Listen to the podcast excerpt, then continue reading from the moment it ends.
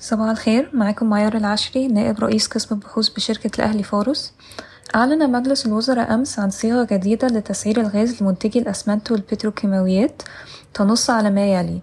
سيدفع منتجو الأسمنت 12 دولار لمليون وحدة حرارية مما سيؤثر فقط على ساوث فالي سمنت نظرا لأنه المنتج المحلي الوحيد الذي لا يزال يستخدم الغاز. يستخدم الباقي الفحم وفحم الكوك بشكل أساسي. من الجدير جدير بالذكر أن الفحم بالأسعار الجارية يعادل 17 دولار لمليون وحدة حرارية في أسعار الغاز.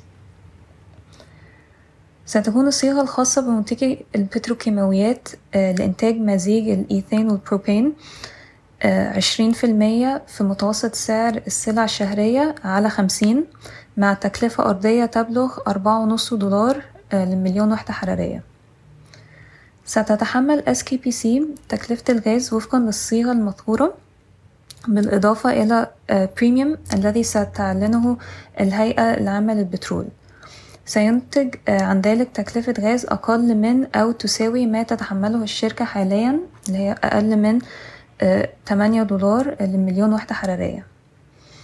يتراوح تقييم SKPC بين عشرة وأربعتاشر جنيه. اعتمادا على التكلفة النهائية للغاز اللي هي ما بين ستة وسبعة دولار للمليون وحدة حرارية. تدرس SKPC الاستحواذ على إثيتكو بالكامل حيث تمتلك حاليا عشرين في المية فقط من خلال شير سواب بعد تقييم كلا, الشر... كلا الشركتين.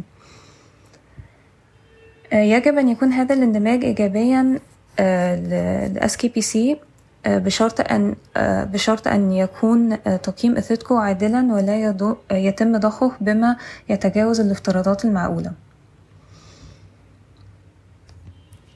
ارتفع معدل التضخم السنوي في المدن في سبتمبر إلى 15% من 14.6% في أغسطس بينما سجل التضخم الشهري 1.6% مقارنة ب صفر فاصل تسعة في المية في أغسطس بسبب الزيادات في المواد الغذائية وضعف الجنيه تتطلع الحكومة إلى إطلاق استراتيجية للسياحة في الربع الأول من عام ألفين تلاتة وعشرين للمساعدة على جذب تلاتين مليون سائح سنويا.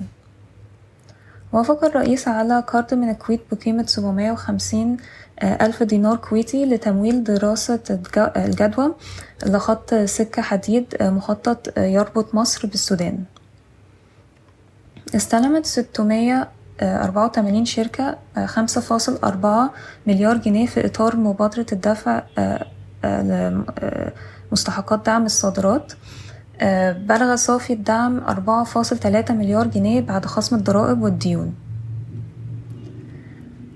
بلغ صافي ربح بي في الربع الثالث من ألفين اتنين وعشرين اتنين فاصل ستة مليار جنيه بارتفاع واحد في المية على أساس ربع سنوي وارتفاع خمسة وتلاتين في المية على أساس سنوي.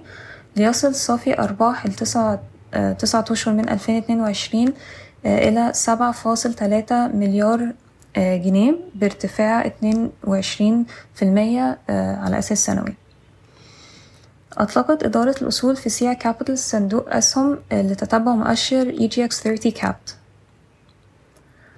وقعت شركة مدينة نصر للإسكان عقدا مع بيتك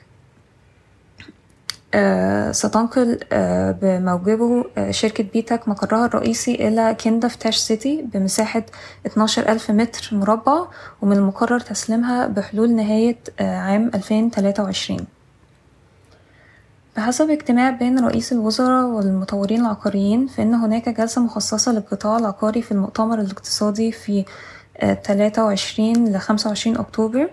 2022 مع الاهتمام بسبل تعزيز القطاع ومقترحات لجذب الأجانب والمصريين بالخارج لشراء العقارات. دعا المطورون في الاجتماع إلى خيارات تمويل متنوعة لمشتري العقارات المحتملين والسماح بالبيع للمشترين الأجانب بالدولار الأمريكي. شكرا ويوم سعيد.